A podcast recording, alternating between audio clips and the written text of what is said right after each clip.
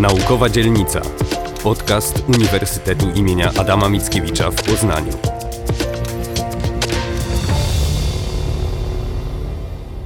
Mamy do czynienia z pierwszym globalnym kryzysem ery cyfrowej, mówił antropolog kulturowy profesor Waldemar Kuligowski z UAM podczas spotkania z cyklu Areopag Uniwersytetów, tym razem poświęconego szeroko rozumianym relacjom osobistym i społecznym w dobie COVID-u. Dzień dobry, przed mikrofonem Małgorzata Rybczyńska. Warto wysłuchać całej debaty, link znajduje się w opisie podcastu. Za chwilę przedstawię wybrane wątki dyskusji, w której udział wzięli także historyk filozofii profesor Piotr Gutowski z Katolickiego Uniwersytetu Lubelskiego, filozof doktor habilitowany Sebastian Kołodziejczyk z Uniwersytetu Jagiellońskiego oraz prawnik profesor Jacek Męcina z Uniwersytetu Warszawskiego. Spotkanie prowadziła profesor UAM Iweta Andruszkiewicz. Profesor Waldemar Kuligowski rozpoczął swoje wystąpienie od mocnego uderzenia. Mamy oto ponad 5 milionów ofiar COVID-19 na całym świecie. Mamy zdestabilizowaną globalną gospodarkę, społeczeństwa na całym świecie dotknięte przez covidową rzeczywistość borykają się z wieloma problemami. Tutaj też można uruchomić taką, takie pandemiczne frazeologizmy, bo te problemy to na przykład covidowe bezrobocie, covidowa bieda, covidowe rozwody, covidowa blokada, samoizolacja, zoom doom czy zoom fatigue. Warto też sobie uświadomić, że właściwie po raz pierwszy w historii, przynajmniej tej historii, którą, którą znamy, gatunek, który dotąd zagrażał innym gatunkom, stał się zagrożeniem dla samego siebie. No i właściwie wydaje się, że jedynym sensownym antidotum na to samo zagrożenie stało się dystansowanie społeczne. I tutaj jest e, w tym oczywiście pewien, pewien paradoks. Etymologicznie e, dystansowanie społeczne każe nam spoglądać na łacinę, gdzie distantia to to, co odległe, osobne, stojące z boku. Termin ten upowszechnił się na dobre w językach europejskich, zachodnich, w wieku XIX, głównie za sprawą zawodów sportowych, kiedy to jeźdźcy i, i, i, konie oczywiście musiały pokonywać jakiś dystans, a pięściarze w ringu walczyli bądź to w dystansie, bądź w półdystansie. Ale warto też dodać, że sama norma dystansowania społecznego jest znacznie starsza niż, niż te ślady użycia tego słowa w języku. Możemy sięgnąć co najmniej do II wieku przed naszą erą, ale te wszystkie pierwotne Pierwsze sensy myślenia o dystansowaniu społecznym zrewidowały się na początku 2020 roku.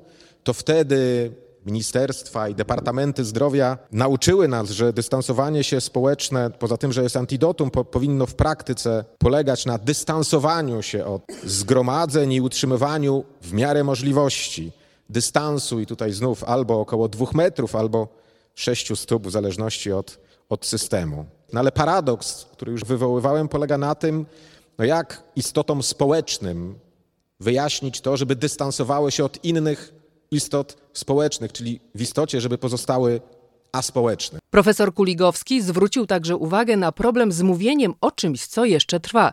Pandemia to wciąż proces, który wcale się nie zakończył. Kostki domina się ciągle, ciągle przewracają i tak naprawdę nie wiemy, kiedy przestaną się przewracać. Proszę Państwa, jeszcze wiosną ubiegłego roku, w maju, czerwcu, przeważały nastroje związane ze zdalną pracą, które były radosne i entuzjastyczne. Badania mówią o tym, że w maju ubiegłego roku trzech na pięciu pracowników w Stanach Zjednoczonych cieszyło się z tego, że przeszło na pracę zdalną. W ankiecie prowadzonej przez Bloomberga prawie 100% pracowników biurowych, finansowych e, mówiło o tym, że bardzo sobie ceni pracę zdalną. Przypomnę, maj ubiegłego roku. Pół roku później, jesienią 2020 roku, większość pracowników w Stanach Zjednoczonych i Wielkiej Brytanii miała dość pracy zdalnej, chcieli ją jak najszybciej porzucić, a najczęściej wskazywaną bolączką związaną z tym rodzajem pracy była samotność. W dobie COVID-u stała się toksyną, która do, dotyka mm, właściwie wszystkie poziomy życia, życia społecznego i bezprecedensowym właściwie wyzwaniem dla ludzi pozostających w związkach. To było wyzwanie e, wielorakie, wiążące się z takim stresem fizycznym, finansowym, no a także emocjonalnym. Wiele par dotkniętych było przez, przez stres związany albo z utratą zdrowia, ale czasem utratą życia. Wiele par dotkniętych było i związków dotkniętych było przez stres związany z utratą pracy i środków do utrzymania. Te związki, które wychowywały dzieci, borykały się ze zdalnym nauczaniem, które nie tylko w Polsce dalekie było od ideału. Na efekty tej egzystencjalnej wirówki, jak e, napisali w jednym z raportów badacze, nie trzeba było długo, długo czekać. Oto w 2020 roku o ponad 120% wzrosła liczba tzw. Tak zapytań rozwodowych. Ale dziś po roku możemy już na te dane spojrzeć trochę inaczej. Otóż nie wydarzyła się żadna hekatomba dotycząca rozwodów i, i rozpadu związków. Yy, mamy za to, proszę Państwa, coraz mniej rozwodów, którym towarzyszy coraz mniej małżeństw jednocześnie, czyli ludzie nie decydują się ani na wejście w nowe związki, ani na wejście w nową, może bardziej samotną sytuację. Tak jest w Stanach Zjednoczonych, tak jest w Polsce, gdzie dodatkowo, jak mówią dane statystyczne, tych młodych ludzi, dla których reżimy pandemiczne były reżimami e, formującymi, formatywnymi. To jest, myślę, takie doświadczenie, którego nie sposób, nie sposób przecenić. Przypomnę, że 192 kraje przeszły na zdalne nauczanie, czyli półtora miliarda uczniów i uczennic doświadczyło dość radykalnej, nagłej, w większości niespodziewanej zmiany. Miało to y, rozliczne konsekwencje, niekoniecznie takie bardzo oczywiste albo, albo szeroko komentowane. No na przykład prawie 280 milionów dzieci zniknęło z systemu edukacji. 250 y, milionów dzieci w związku z tym musiało zrezygnować z bezpłatnych szkolnych posiłków. Dla wielu z nich to był jedyny posiłek w ciągu dnia. Szacuje się, że 10 bilionów dolarów to ta strata, która związana jest z tym, że studenci i starsi uczniowie nie mogli pracować, choćby dorywczo. Ale pandemia nauczyła nas także, że edukacja znaczy coś więcej niż tylko proces, w którym zdobywamy pewne kompetencje, umiejętności i dyplomy potrzebne w dorosłym życiu. Że edukacja stwarza sytuację i kontekst do kontaktu kontaktu z rówieśnikami, którzy są czasem bardzo różnorodni. Uczymy się po prostu tego, co antropolodzy nazywają enkulturacją, czyli wchodzimy w to życie społeczne. No i ci kolonialsi, jak mówiłem, powrócili teraz, e, teraz do nas. No i najnowsze wyniki badań prowadzonych w Polsce mówią o nich, e, co następuje, że to są ludzie, którzy mają właśnie inny typ enkulturacji, że to są ludzie, którzy doświadczyli zamknięcia, izolacji i związanych z tym stresów. Kolejna rzecz, która wydaje mi się być interesująca, bardzo wiele dorosłych osób mówi o tym, że czuje dyskomfort i niepokój związany z prowadzeniem rozmów. Tego, co się potocznie nazywa small talkiem. I tutaj oczywiście rodzi się pytanie, jak to możliwe? Jeszcze jesienią ubiegłego roku narzekaliśmy na samotność, teraz mówimy o tym, że mamy problemy w zwykłej, codziennej komunikacji. Do relacji społecznych między ludźmi nawiązał profesor Piotr Gutowski z Kulu. Skupił się jednak na relacjach między społecznościami, a nawet instytucjami związanymi z szeroko pojętym obszarem uczelni wyższych. Czy rzeczywiście skutkiem pandemii jest konflikt na linii pracownicy naukowi a kadra menedżerska? Przejrzałem e, różne badania, materiały prasowe, e, wywiady dotyczące wpływu obecnej pandemii na uczelnie poza Polską, zwłaszcza w tym obszarze anglojęzycznym, no bo te uczelnie tam ciągle wyznaczają taki światowy standard e, badań i dydaktyki akademickiej. Nie ma oczywiście prostego przełożenia tego, co tam się dzieje na naszą sytuację w Polsce, ale może niektóre z tych obserwacji e, okażą się także przydatne dla nas. Jako zdecydowanie najważniejszy skutek pandemii w Stanach Zjednoczonych, w Australii, w Wielkiej Brytanii wskazuje się zwykle problemy finansowe uczelni problemy finansowe uczelni. I to jest związane z faktem, że mm, w większości e, z nich dochód e, z opłat e, studentów jest ważną częścią składową ich budżetu. No, a pandemia i związane z tym procesy takie jak no, zmniejszona mobilność, wzrastająca niepewność finansowa, wątpliwości studentów dotyczące mm, jakości zdalnego nauczania i sposobu oceniania przez internet, no, spowodowały, że część z nich przerwała studia, wzięła urlopy żeby przeczekać ten trudny czas. A co więcej, no zmniejszyło się też w ogóle zainteresowanie e, studiowaniem. Prostą konsekwencją tego wszystkiego jest e, poszukiwanie oszczędności przez kadrę zarządzającą e, uczelniami. No bo tu trzeba też uświadomić sobie to, że dodatkowo jeszcze zmniejszenie dochodów wiązało się ze zwiększeniem wydatków. No przecież uczelnie musiały wydać sporo pieniędzy na rozbudowanie infrastruktury dotyczącej zdalnego nauczania, na środki ochrony, testy. Jaki to ma wpływ na mm, e, relacje między różnymi społecznościami w obrębie akademii? Pierwsza moja obserwacja jest taka, że narasta wrogość pracowników naukowych i dydaktycznych w stosunku do wyższej kadry zarządzającej uczelniami. Powiększa się także rozziew między warunkami, na jakich zatrudniani byli starzy pracownicy e, na uczelniach. I to dotyczy, to chcę bardzo podkreślić, zwłaszcza młodej kadry to jest moim zdaniem zarzewie kolejnego napięcia w relacjach między różnymi społecznościami akademickimi, między młodą kadrą naukową i tymi, którzy są zatrudnieni na znacznie lepszych warunkach wcześniej. To wyraźnie widać i w Stanach Zjednoczonych, i w Anglii, także w Australii. To jeden problem, który wskazał profesor Gutowski. Drugi, związany z oszczędnościami, to decyzje administracyjne dotyczące preferowania czy rozwoju jednych kierunków studiów kosztem innych. I tutaj e, wskazówką dla osób zarządzających uczelniami są często preferencje kandydatów na studia. A ci e, kandydaci na studia w sytuacji takiej pandemicznej niepewności i jak na przykład w Stanach Zjednoczonych także konieczności zaciągania bardzo dużych kredytów na e, studia, rezygnują ze studiów albo decyzje o podjęciu studiów odsuwają na później, albo z większą ostrożnością dokonują wyboru kierunków studiów. Co na tym ucierpiało? Ucierpiało na, tym, na tych decyzjach e, przede wszystkim badania kosztem dydaktyki. To podkreśla wielu pracowników w różnych krajach anglojęzycznych. Kryzys związany z pandemią wzmacnia więc napięcie między humanistami a reprezentantami nauk e, ścisłych. Można powiedzieć, że pandemia przyczyniła się do znacznego napięcia relacji między różnymi społecznościami tworzącymi środowisko akademickie.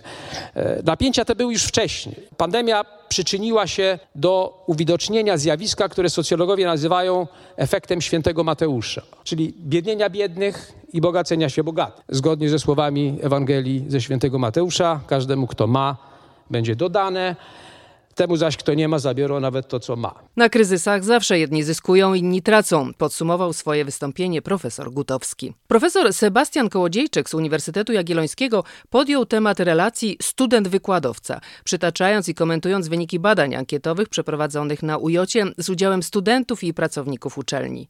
Wyniki tej ankiety mogą być przyczynkiem do dyskusji, w jakim kierunku może pójść życie akademickie, jak już oby ta pandemia minie. Zacząłbym od tego, że bezwzględnie okres pandemii uświadomił nam, że jesteśmy zdolni do bardzo elastycznej formuły kształcenia studentów, relacji akademickich, że szybko się uczymy jako nauczyciele akademicy, jako studenci, że jesteśmy w stanie wykorzystać infrastrukturę teleinformatyczną do tego, żeby no, właściwie uzyskiwać bardzo pożądane efekty związane z uczeniem się samego studenta, no i nas jako kadry kształceniem tegoż studenta. Z drugiej strony, jakiś typ relacji został upośledzony. Coś się wydarzyło takiego, co spowodowało, że jako ludzie rozluźniliśmy nasze więzy. Spowodowało to też oczywiście e, pewne konsekwencje dotyczące zachowań etycznych, bo pamiętajmy o tym, że zachowania etyczne są wówczas, kiedy dochodzi do interakcji między ludźmi. To funkcjonowanie właśnie w tym trybie zdalnym ono generuje zupełnie inny typ kontaktu etycznego. Czyli na czym innym polega potem jakby problem etyczny, który, wobec którego stajemy. Ale proszę Państwa, jest coś, co być może umyka nam, mianowicie, że miejsce to jest coś, co powoduje, że ludzie mają narzędzie do identyfikacji. A zatem zdalny obszar oddziaływania poprzez czy to kształcenie, czy to kontakty międzyludzkie niestety, ale generuje problem z identyfikacją. Popatrzmy na pewne dane. Patrząc na te dane, moglibyśmy być pod wieloma względami optymistami. Bo co mówi na przykład nam ankieta na temat tego, jakie są pozytywne aspekty nauczania zdalnego w kontekście Uniwersytetu Jagiellońskiego? Ta grupa była spora, bo to jest kilka tysięcy studentów, która się wypowiedziała i y, praktycznie ponad tysiąc osób z kadry kształcącej. Najbardziej pozytywny aspekt, proszę Państwa, to jest możliwość uczestniczenia w zajęciach przez osoby przebywające poza miejscem kształcenia. Na to w skali pięciopunktowej kadra odpowiada cztery, Czyli proszę Państwa, dla kadry bycie poza miejscem kształcenia jest niezwykle wartościowe. 4 na 5. Po prostu pełen entuzjazm. Niezwykle interesująca kwestia. Ci ludzie się praktycznie nie identyfikują z miejscem, w ramach którego prowadzą kształcenie na co dzień. Natomiast studenci 4-1. No nie powiedziałbym, że to jest różnica istotna statystycznie, ale powiedziałbym, że jest to też jakiś wskaźnik tego, że gdybyśmy dzisiaj powiedzieli, że uczelnie generalnie będą prowadzić zajęcia w formie zdalnej, to być może fakt ten jako pozytywny byłby no nie przez 4-1 na 5, tylko przez 3-7 czy 5, ale wciąż jest jednak to duży odsetek studentów i duży odsetek kadry. Elastyczny czas pracy. W czasie tej sądy pytanie było o zarządzanie czasem. Proszę Państwa, okazuje się, że kadra wskazuje na to 3,8, prawda, na 5, czyli można powiedzieć, że aha, to nie jest aż taki elastyczny, jakbyśmy chcieli, żeby było, ale jest jednak elastyczny. Natomiast studenci już mówią 4,3, czyli już zbliżają się do takiego poziomu, który mówią, zdalne nauczanie znacznie ułatwiło nam życie. Dzięki temu chętniej, lepiej, sprawniej zarządzamy naszym czasem. To są dane z 2021 roku, z ostatnich tygodni. W związku z tym to nie jest odniesienie do pierwszego okresu pandemii, w jakim się znaleźliśmy kiedyś, e, czyli w 2020. To już jest kiedyś. Proszę Państwa, jak się na to popatrzy, to sobie człowiek myśli tak zróbmy uniwersytet w sieci, będzie wszystko dobrze. Będziemy zadowoleni. Studenci będą zadowoleni, bo mają elastyczny czas, nie muszą przyjeżdżać do miasta. Kadra będzie zadowolona, może siedzieć za miastem też, nie musi przyjeżdżać. Efekty uczenia są realizowalne w ramach tych właśnie komponentów kształcenia, które my znamy. A jak dodamy jeszcze taki aspekt, który też jest istotny, mianowicie obniżenie kosztów obu stron. Student nie przyjeżdża, nie płaci za wynajęcie stacji, akademika i tak dalej. Nie trzeba płacić za prąd, prawda, czyli inne media w ramach y, infrastruktury akademickiej. De facto można też obniżyć koszty osobowe pod wieloma względami, bo można sobie pomyśleć o tym, że inaczej będziemy jednak y, grupować te zajęcia, inaczej będziemy tworzyć harmonogramy. Jest szereg aspektów, które pozwalają na to, żeby redukcję tego kosztu jednak powielić. No w związku z tym stajemy wobec takiej kwestii, która wydaje się dla nas dużym wyzwaniem. Mianowicie to jest tak nęcący obraz, że de facto nie zdziwiłbym się, gdyby szereg ośrodków akademickich powiedziało sobie, idziemy w to, będziemy to robić. To nie jest takie kolorowe, są wątpliwości, przyznał jednak profesor Kołodziejczyk, wskazując na ciemne strony zdalnej nauki. Przede wszystkim kłopoty studentów z utrzymaniem koncentracji na zajęciach, a dla wykładowców brak stymulacji ze strony awatarów na ekranie komputerów. Na zakończenie profesor wskazał cztery wyzwania stojące przed wspólnotą akademicką. Po pierwsze, należy przemyśleć i wdrożyć koncepcję zbudowania realnej wspólnoty akademickiej, nieudawanej, nie bycia w iluzji życia akademickiego. Pandemia pokazała, że my łatwo się separujemy, to znaczy naprawdę byliśmy w iluzji. To znaczy nie mieliśmy realnych kontaktów z naszymi uczelniami. Po drugie, przemyślenia i wdrożenia modeli kształcenia, które korzystają z narzędzi zdalnych w ramach dotychczasowych i nowych działań dydaktycznych. Nie odrzucajmy tego. Patrzmy na to jako zdobycz, jako coś, co możemy rzeczywiście wykorzystać w przyszłości do tego, żeby prowadzić pewną ekspansję też, prawda? Pozyskiwać nowych y, studentów i, i nową kadrę. Bo w końcu nie mówimy o tym, że kadra też może zdalnie pracować z różnych miejsc na świecie, prawda? I możemy ją zatrudnić przemyślenia i wdrożenia, trzeci punkt, systemu wpływania na otoczenie społeczne poprzez profity płynące z przynależności do realnej wspólnoty akademickiej. Też nie wykorzystujemy tego potencjału. Tak? To znaczy nasi absolwenci to są ludzie, którzy oddziałują na wspólnotę społeczną na różnych płaszczyznach i my jako uniwersytet tu i teraz też tak oddziałujemy.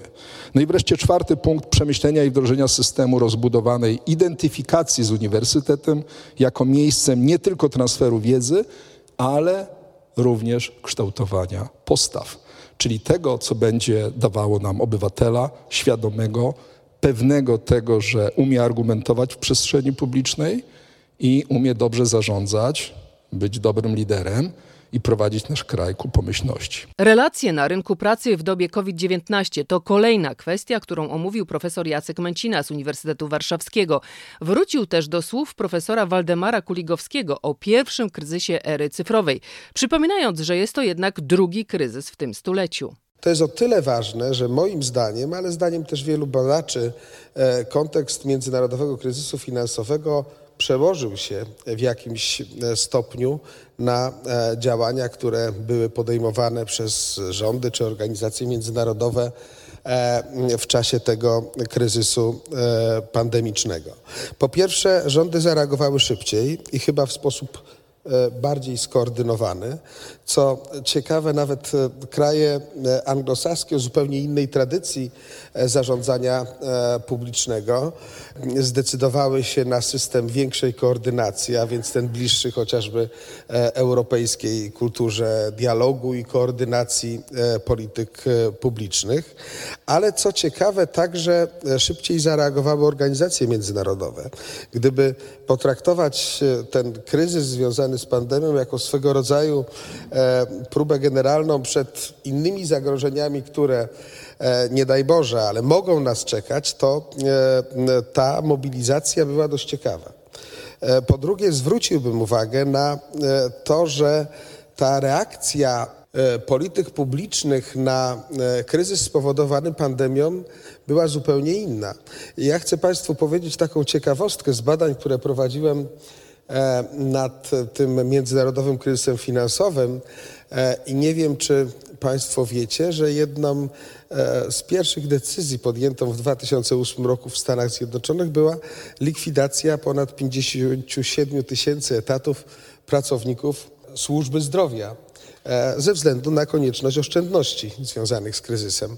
E, są tacy, którzy twierdzą, że właśnie e, te decyzje powodowały później w Stanach Zjednoczonych na początku pandemii ogromny chaos związany z trudnościami w zarządzaniu reakcja i Stanów Zjednoczonych, ale i Wielkiej Brytanii, wreszcie całej Europy była już zupełnie inna. Przykładem doskonałym była Polska, która skorzystała z ustawy z 2013 roku, bardzo szybko wprowadzając instrumenty interwencji.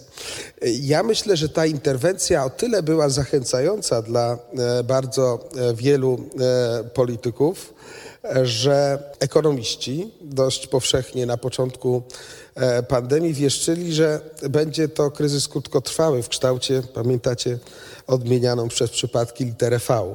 Później dopiero okazało się, że to może być litera W, może być litera L. Nikt nie wie na dobrą sprawę, jakie będą dalsze losy pandemii, choć są analizy, ja tu się skłaniam do tych analiz Międzynarodowego Funduszu Walutowego, który także wykorzystując doświadczenia SARS-1 wieszczy, że rok 2024 to będzie taki rok, w którym będziemy mogli sobie poradzić z tą pandemią, oby jak najwcześniej. Jeżeli spojrzymy statystycznie na to, co się stało na rynku pracy, no to widać, że statystycznie daliśmy radę obroniliśmy się.